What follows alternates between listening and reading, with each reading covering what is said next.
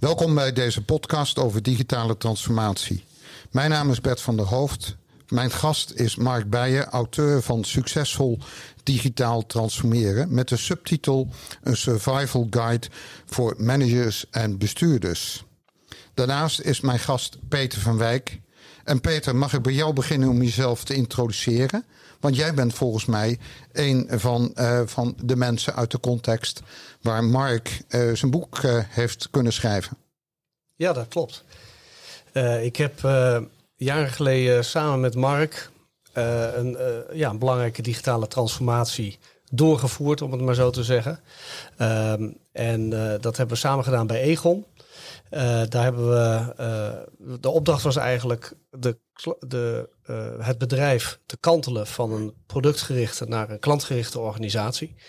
En dat hele traject hebben we samen uit en een breed team uiteraard gedaan. Ja, Mark, en als we dan doorschakelen naar jou, zou je jezelf willen introduceren? Kennelijk is jouw passie digitaal transformeren, maar zou je ons kunnen helpen van wat jou uh, drijft en uh, wat er uh, voor beweging achter dit boek zit? Ja, zeker, zeker. Ehm, kijk, op zich digitaal transformeren is niet mijn passie, maar, maar het transformeren van organisaties met behulp van digitale technologie. dat is wel een klein accentverschil. En dat doe ik nu al een jaar of dertig. al vlak na mijn studie een keer die slag gemaakt richting consultant, eigen bedrijf opgericht, Novius. En sinds die tijd eigenlijk voor allerlei soorten klanten uh, opdrachten gedaan van, van uh, werkplaats tot broodroom. Um, en toen COVID begon, uh, kwam ik in één keer voor de eerste keer in mijn carrière zonder, zonder een opdracht te zitten, omdat dat ja, wegens COVID uitgesteld was. En ik dacht, dat is een heel mooi moment om mijn kennis te kapitaliseren en vast te leggen in een boek. Nou, en dat is dit boek geworden. Mooi. Als je gaat kijken naar het boek, en ik zou met jullie eigenlijk de, uh, de inzet willen doen dat we even praten met jou of Mark over wat essentiële dingen uit het boek. En volgens met Peter kijken naar wat betekent dat nou voor onze beroepsgroep. Want uh, kennelijk uh, raakt het ook project en professionals.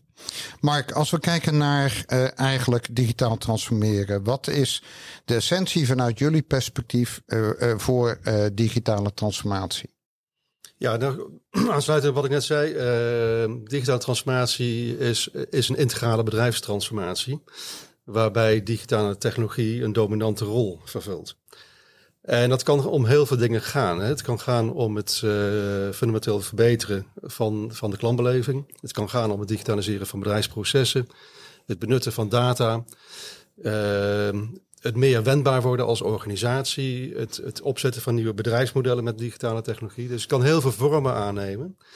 Uh, en het is heel belangrijk om, om ook te kijken wat, nou wat je doelen zijn met digitale transformatie. Maar één ding blijft altijd overeind. Het is, het is iets integraals. Het gaat niet over techniek. Het gaat over van alles in je organisatie. Het gaat over je processen, over je mensen, cultuur uh, en ook technologie.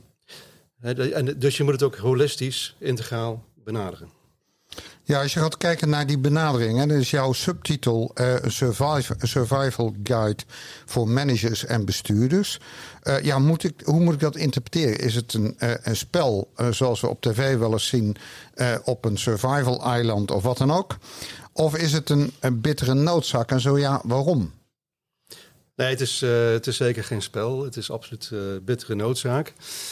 Ik durf te beweren dat organisaties die hier niet, uh, niet echt, echt goed over nadenken, een groot risico lopen en misschien over een jaar of vijf wel uh, niet meer bestaan. Ja, en als je kan kijken naar het grote risico van, ja goed, we, we zijn natuurlijk projectprofessionals. Een groot risico van vandaag kan, kan morgen kleiner zijn. Hoe zit het met digitale transformatie? Want het komt al een paar jaar langs als trend. Is het belang van digitale transformeren nu aan het afnemen? Of um, hebben we de grootste golf achter de rug? Of zit het anders in jouw beleving? Nee, dat zit absoluut anders. Uh, in mijn beleving is digitale transformatie niet een hype, maar dat is iets wat, uh, wat eigenlijk een continu proces is. Wat al eigenlijk al decennia loopt. Uh, in mijn boek heb ik ook een, een, een model gepresenteerd, fasemodel voor digitale transformatie. Daar zitten drie fasen in. En als je die fase eh, openbreekt, hè, dan de eerste fase gaat vooral over bedrijven die we kennen uit, uit ons verleden. veel organisaties hebben inmiddels een slag gemaakt naar, naar fase 2 en de, de wereld van ja, zeg maar de start-ups en de, de echt digital savvy bedrijven zitten in fase 3. Maar er zullen ongetwijfeld meer fasen volgen. Alleen we kennen ze nog niet. Uh, het houdt net op. Het is, het is een continu proces. Ja, nu is faseren uh, en structureren is de kerncompetentie van elke projectprofessional. Hè? Uh, je noemt dat fasemodel. Uh, goed, dan fase 1 tot en met fase 3. En dan lijkt het me handig van dat je, dat je begint meteen met fase 2 of fase 3. Van hoe kijken jullie ernaar? Ja, goede vraag. Ehm, in mijn boek schrijf ik ook dat, dat je als, als zeg maar, gevestigd bedrijf niet zomaar een fase kan overslaan. Kijk, de start-ups, ehm, die we ook kennen, die hebben de, de luxe om, om meteen een bedrijf te kunnen neerzetten wat, wat in fase 3 acteert. Uh, die hebben geen, geen last van legacy uh, van het verleden. Maar de grote corporates, de gevestigde orde die we, die we allemaal kennen, ja, die, hebben, die hebben dus een verleden opgebouwd. Die hebben legacy systemen. Maar niet alleen systemen, die hebben ook legacy processen, legacy organisatie, misschien wel legacy mensen, legacy cultuur. Uh, en daar moet je echt doorheen breken. En je zult die fase door moeten. Je kan ze wel verkorten, uh, maar je moet wel zeg maar, de stappen maken van links naar rechts in het fasemodel om uiteindelijk in fase 3 uh, eh, uit te komen. Ja, want die handvatten die je in je boek zien, die herken ik ook.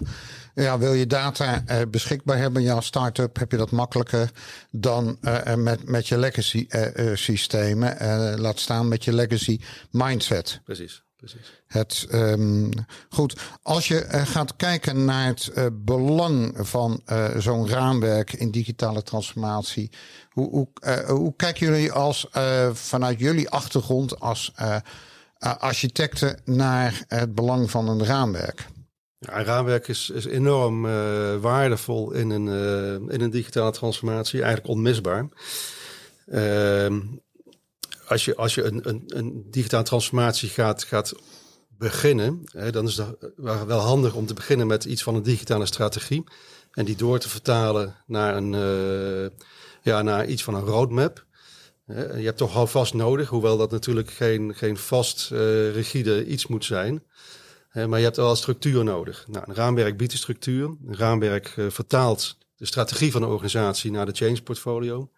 Maar tegelijkertijd kan een raamwerk ook zeg maar, de alignment tussen alle bedrijfsaspecten voor elkaar krijgen. Dus, tussen, tussen klantbehoeften, eh, proposities, kanalen, processen, organisatiestructuur, applicaties, data en technologie. Dat moet allemaal in evenwicht zijn.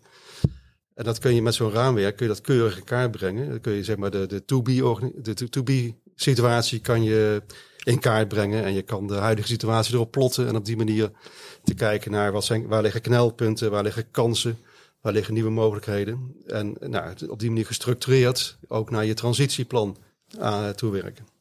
Ja, en als je gaat kijken, Peter, uh, uh, van een digitale transformatie. Uh, welke elementen zijn voor onze beroepsgroep als projectprofessionals, of je nou projectmanager, programmamanager, portfolio manager bent of support officer, welke elementen zijn voor ons key in jouw overtuiging? Ja, er zijn natuurlijk heel veel succes- en faalfactoren uh, als het gaat om uh, ja, doorvoeren van grote veranderingen. Uh, maar ik kan er een aantal uitlichten die sowieso key zijn, zoals je zegt. nou, één is eigenlijk al iets wat Mark heeft benoemd. Dat is dat digitaal transformeren echt een business change is. Het, het, gaat niet om het implementeren van een aantal IT-systemen en dan zijn we klaar.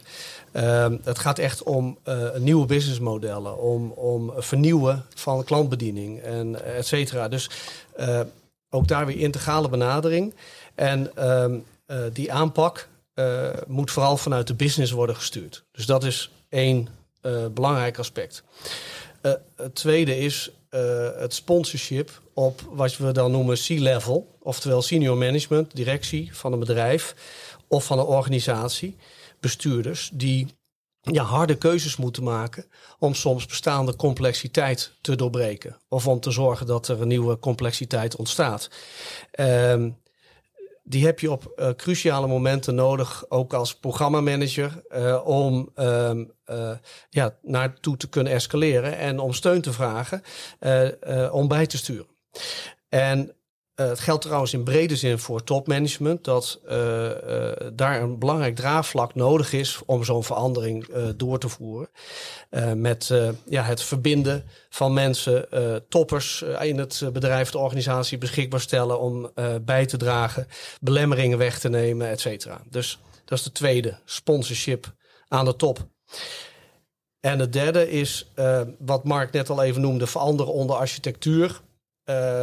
Uh, om uh, ja, de veelheid aspecten in een bedrijfsarchitectuur, processen, organisatie, mensen, systemen, om, om, om dat als, als een regisseur zeg maar, uh, te, te laten leiden op de inhoud en dat aan te vullen met veranderkundige elementen om werkelijk in de organisatie met, want het gaat uiteindelijk om mensen, dat is eigenlijk het vierde aspect. Ehm, de verandering vindt alleen plaats uh, als we de ruimte creëren in de organisatie om ook die verandering te kunnen doorvoeren. Dus dat gaat over autonomie laag in de organisatie, ruimte geven, vrijheid geven. Uh, en, en dat betekent dus ook wat voor het management. Uh, dus daar moet het management ook die ruimte, die controle eigenlijk loslaten om ruimte te creëren. Ehm, dus ehm, het vierde aspect gaat over autonoom handelen maar wel vanuit een integrale uh, blik, zeg maar. Hoe bedoel je integrale blik? Van dat is, uh, je moet uh, onderdeel uitmaken van het holistische gebeuren wat Mark net schetste? Ja, en daar ook zeg maar portfolio management op inrichten. Dus dat je ook echt wel sturing geeft aan de verandering en keuzes maakt. Want je hebt toch, toch altijd de beperking van mensen en middelen. en, en, geld. dus je moet keuzes maken. En er zit samenhang tussen de verschillende initiatieven die zo'n verandering vormgeven. En dat doe je dan uh, vanuit een uh, portfolio-besturing. Ja, klinkt logisch. Maar wij weten als veranderaars natuurlijk dat, uh, uh, dat, uh, um, dat het niet altijd zo moeilijk is als we nu, of niet zo makkelijk is als we nu vertellen. Wat zou je kunnen zeggen, wat is de plek der moeite? Dat taaie vraagstuk in digitale transformatie, wat in elke transitie weer de boventoon voert. Als onkruid wat weer opschiet. Ja, ik zou het dan uh, alleen geen onkruid willen noemen, maar een element, of het belangrijkste element, wat, wat uh, uh, heel hardnekkig is, maar cruciaal in de verandering, dat is aandacht voor cultuur. voor ja, de digitale transformatie gaat over veranderen van gedrag. En het creëren van de context, waar ik, wat ik net al zei, uh, die, uh, die uh, stimuleert. En waar mensen ruimte voelen om aan die verandering bij te dragen. Dus dat vraagt om nieuw leiderschap. En ehm, die leiders die moeten niet alleen verstand hebben van hun eigen business, maar ook in toenemende mate ook echt uh, snappen wat al die verschillende ontwikkelingen, hè, robotica, uh, big data, Internet of Things, noem alles maar op. ja, wat dat betekent voor hun business en hoe ze dat willen moeten toepassen. Dus um, ja, cultuur en leiderschap, zeer essentieel. Ja, en als we die cultuur, leiderschap, gedrag um, pakken, essentieel. Maar hoe kijken we dan naar de rol van uh, projectprofessionals in digitale transformatie? Hebben jullie daar een gezichtspunt over wat je zou willen delen? Ja, ik kijk uh, graag uh, op drie niveaus naar eigenlijk. Je, op, op drie niveaus kun je sturing geven aan verandering. Ehm, ik noem ze eerst eens even kort. Het is het zeg maar op, op, op individuele, losstaande initiatieven, programma's, projecten. Uh, daarnaast op portfolio-niveau. Van hè, het portfolio van alle, alle verschillende initiatieven die uiteindelijk uh, het effect moeten bereiken wat je beoogt. En uh, als laatste de wendbare organisatie waarbinnen dat, waarbinnen dat plaatsvindt.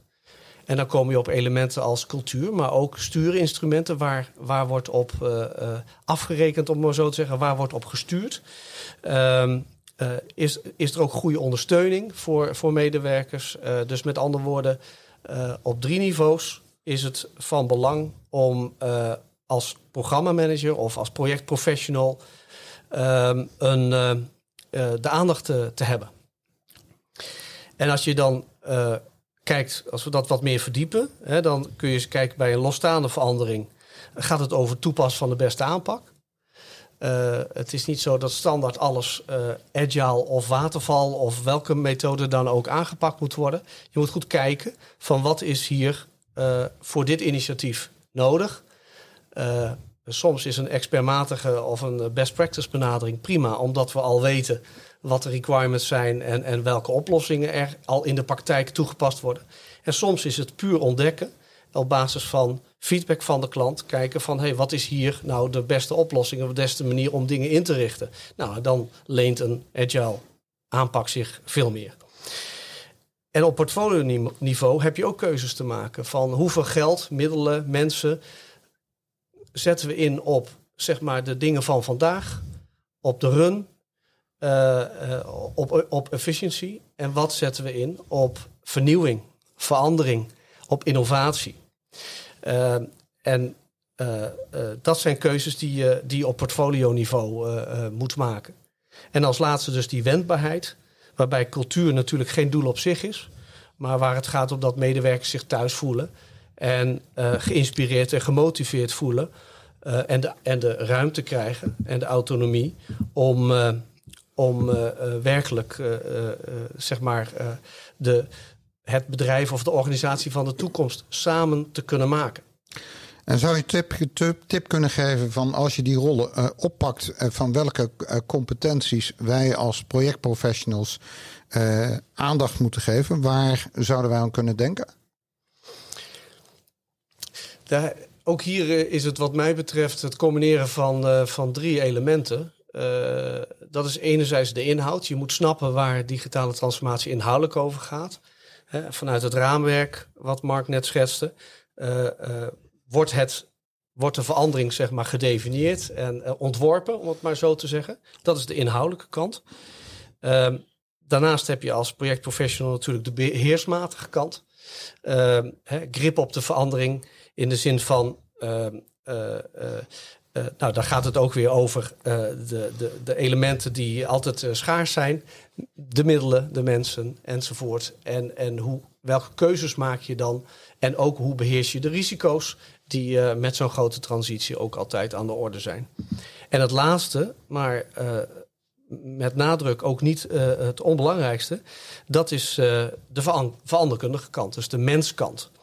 En ehm, ja, daar gaat het weer over dat veranderklimaat en de context. Want bij veranderen van gedrag gaat het niet om veranderen van mensen, maar gaat het om veranderen van de context waarin zij zich begeven. En die veranderkundige kant, mensen meenemen, zoals dat dan heet, en al zijn facetten, um, is, uh, is het derde element wat erg belangrijk is in de uh, competentie van de projectprofessional. Oké. Mark, als ik dan weer terug uh, mag gaan naar jou. In het uh, boek beschrijven jullie die digitale vortex. Hè, een draaikolk waarin organisaties naar het midden gezogen worden. Uh, en als je in het midden van die draaikolk zit, dan heb je natuurlijk meer disruptie, meer verstoring van buiten. Nou, als je dan gaat kijken naar IPMA, uh, ja, hoe positioneren jullie een vereniging als IPMA in die draaikolk? Uh, is die disruptie voor een beroepsvereniging in jullie uh, gedachten een zacht briesje? Of moeten we de stormankers uitgooien of de bakens verzetten? Wat is jouw interpretatie? Want in het boek komt, uh, uh, staat IPMA natuurlijk niet getekend in het plaatje van de digitale draaikolk. Nee, nee, nee, nee. nee. En het is sowieso. kijk, het is een referentiemodel, die draaikolk. Het is voor elke organisatie, dus ook voor IPMA, heel erg goed om, om zelf die exercities uit te voeren. Van waar, waar zouden wij onszelf of vergelijkbare organisaties als IPMA positioneren in die draaikolk? Uh, en los van waar je staat, en waarschijnlijk omdat je de vraag stelt, zit je, zit je niet al in het midden. Hè, want dan had je die gevolgen al lang onderkend. Hè, dan zit je misschien wat meer aan de randen van de draaikolk. En dat betekent wel dat je naar binnen gezogen gaat worden. Hè? En dat kan misschien op korte termijn plaatsvinden, dat kan wat langer duren, maar het gaat wel gebeuren. En in plaats van dat te, te laten gebeuren, is het goed om, uh, om daarop voorbereid te zijn. Of misschien daar zelfs uh, sturing in te geven. Misschien wil je daarop, voor, uh, daarop voorop lopen. er zijn natuurlijk allerlei technologieën ook in de markt van, van, van zeg maar, kennisintensieve organisaties. Denk maar even aan de nieuwste AI-technologieën, JetTTP, et cetera. Die grote impact kunnen hebben op het businessmodel van, van een IPMA. Ehm, dus denk daarover na en maak je eigen digitale strategie en maak je eigen uh, digitale roadmap naar, naar de komende vijf jaar. Dank je, uh, Mark, eh, voor dit antwoord. Uh, niet één panacee, maar een verzoek van... joh, ga het proces in, ga de dialoog aan. Ja, nou, als je het nodig hebt, dan weet je me te vinden. ja, dan weten we je te vinden. en dan goed. Hebben we nog iets, ehm, Mark en Peter, over het hoofd gezien... wat we met de luisteraars zouden willen delen op dit punt? Nou ja, kijk Misschien dat het al, dat het al uh, door de regels heen gezegd is, maar we willen het wel benadrukken. Uh, kijk, digitale transformatie is geen one-size-fits-all model. Het is echt per situatie uh, sterk verschillend. Het type, type organisatie, de doelen die je ermee wil bereiken. Het, het vraagt altijd om specifieke keuzes over de, de, inhoud. Wat wil ik bereiken en hoe pak ik het aan? een begin met, een, met het formuleren van een scherpe, heldere digitale strategie, die ook iedereen in je organisatie uh, begrijpt. Maar dat is wel het begin. Uh, je zult eigenlijk de hele change cyclus in je organisatie goed moeten organiseren. en focussen op die uh, veranderingen die het meeste waarde toevoegen aan je organisatie. organiseer waardeteams om dat snel en met de juiste kwaliteit door te voeren. Ontwikkel onder architectuur, net ook al gezegd. En zorg ervoor dat je de capabilities opbouwt om, om, om dit eigenlijk uh, niet eenmalig, maar om het continu te kunnen doen. Uh, en ja, eigenlijk zeg ik altijd, met digitale transformatie is, is een reis waar, waar je als organisatie je eigen weg in moet vinden. En die reis die zal ook, uh, net zoals in de, in de praktijk, nog wel eens flink veranderen onderweg. weet niet, Peter, heb jij nog wat toe te voegen? Nou, nee, ik denk dat het, dat, dat, dat het is en dat we dat ook elke keer weer zien. Eh, bij, eh, bij de opdrachten die we doen. Eh, dat de, de context constant verschillend is, de ervaring in die verandering verschillend is. En, en de volwassenheid dus verschillend is. En dan, ja, daar, daar moet je natuurlijk op, op tunen, op inhaken en om te bepalen van wat is hier de, de beste aanpak. Maar we hebben natuurlijk wel een aantal elementen al genoemd die je elke keer weer erbij haalt om het om, om, om totaal die verandering te kunnen vormgeven en invullen. Maar hoe het zich dan exact in de praktijk uh, en waar de accenten liggen en in de praktijk vorm krijgt, dat is per situatie verschillend. Goed, mag ik jullie beiden eh, van Novius uh, bedanken voor, voor dit gesprek. Voor onze luisteraars, als je benieuwd bent naar het boek Ben je IPMA-lid, kan je het gratis downloaden in onze e-library. Uh, ben je niet, uh, kijk dan naar de Van Haren bibliotheek, want daar is het boek uh, ook aan te schaffen. mag ik jullie danken en jullie uitnodigen voor een eventueel vervolg. Heel graag gedaan. Ja, graag gedaan Bert.